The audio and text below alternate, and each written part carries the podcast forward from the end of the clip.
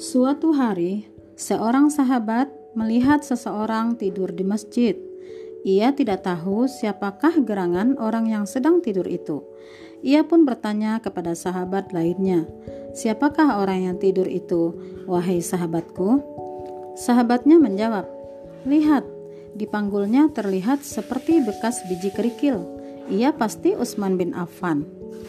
Utsman bin Affan memang termasuk salah seorang ahli ibadah Masjid menjadi salah satu tempat yang ia sukai. Ia senantiasa menghidupkan malamnya dengan bersujud kepada Allah Subhanahu wa taala. Salat tahajud tidak pernah lalai ia kerjakan. Selain itu, Utsman juga gemar berpuasa pada siang hari. Ia hampir tidak pernah terputus dari amalan puasa sunnah. Seorang sahabat menggambarkan seolah-olah Utsman berpuasa sepanjang tahun. Bahkan sampai wafat pun ia masih dalam keadaan berpuasa. Utsman juga sangat mencintai Al-Quran. Kitab suci itu selalu menemani dan menyertainya. Sepanjang hari pada waktu luangnya, ia selalu membaca ayat-ayatnya. Ia berkata, "Tidak ada yang aku sukai setiap kali hari datang kecuali membaca ayat-ayat Allah." Utsman memiliki kebersihan dan kemurnian hati. Namun, itu tidaklah cukup menurutnya. Ia merasa tidak pernah bosan dengan firman dari Allah Subhanahu wa taala. Melantunkan firman Allah dalam kitab suci Al-Qur'an adalah kebahagiaannya. Ketika wafat, selain sedang berpuasa, ia pun sedang dalam keadaan membaca Al-Qur'an.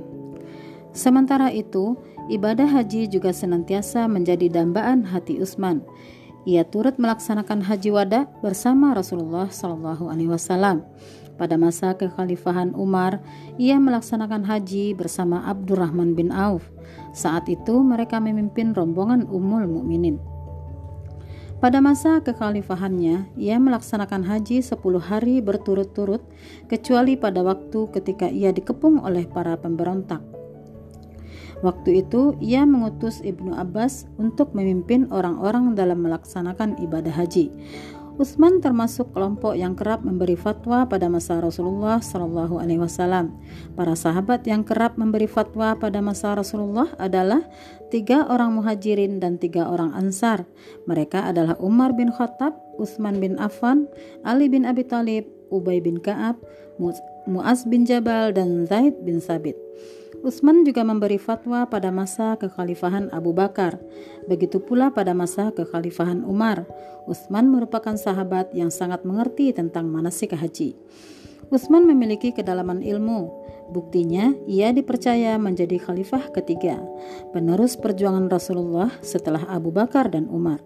Seorang khalifah haruslah seorang yang paling mengerti tentang kitabullah, seorang yang sangat baik bacaan Al-Qur'annya, seorang yang sangat banyak ilmunya tentang sunnah Rasulullah. Meski demikian, Utsman sangat berhati-hati dalam meriwayatkan hadis Rasulullah Shallallahu Alaihi Wasallam. Ia khawatir hafalannya salah.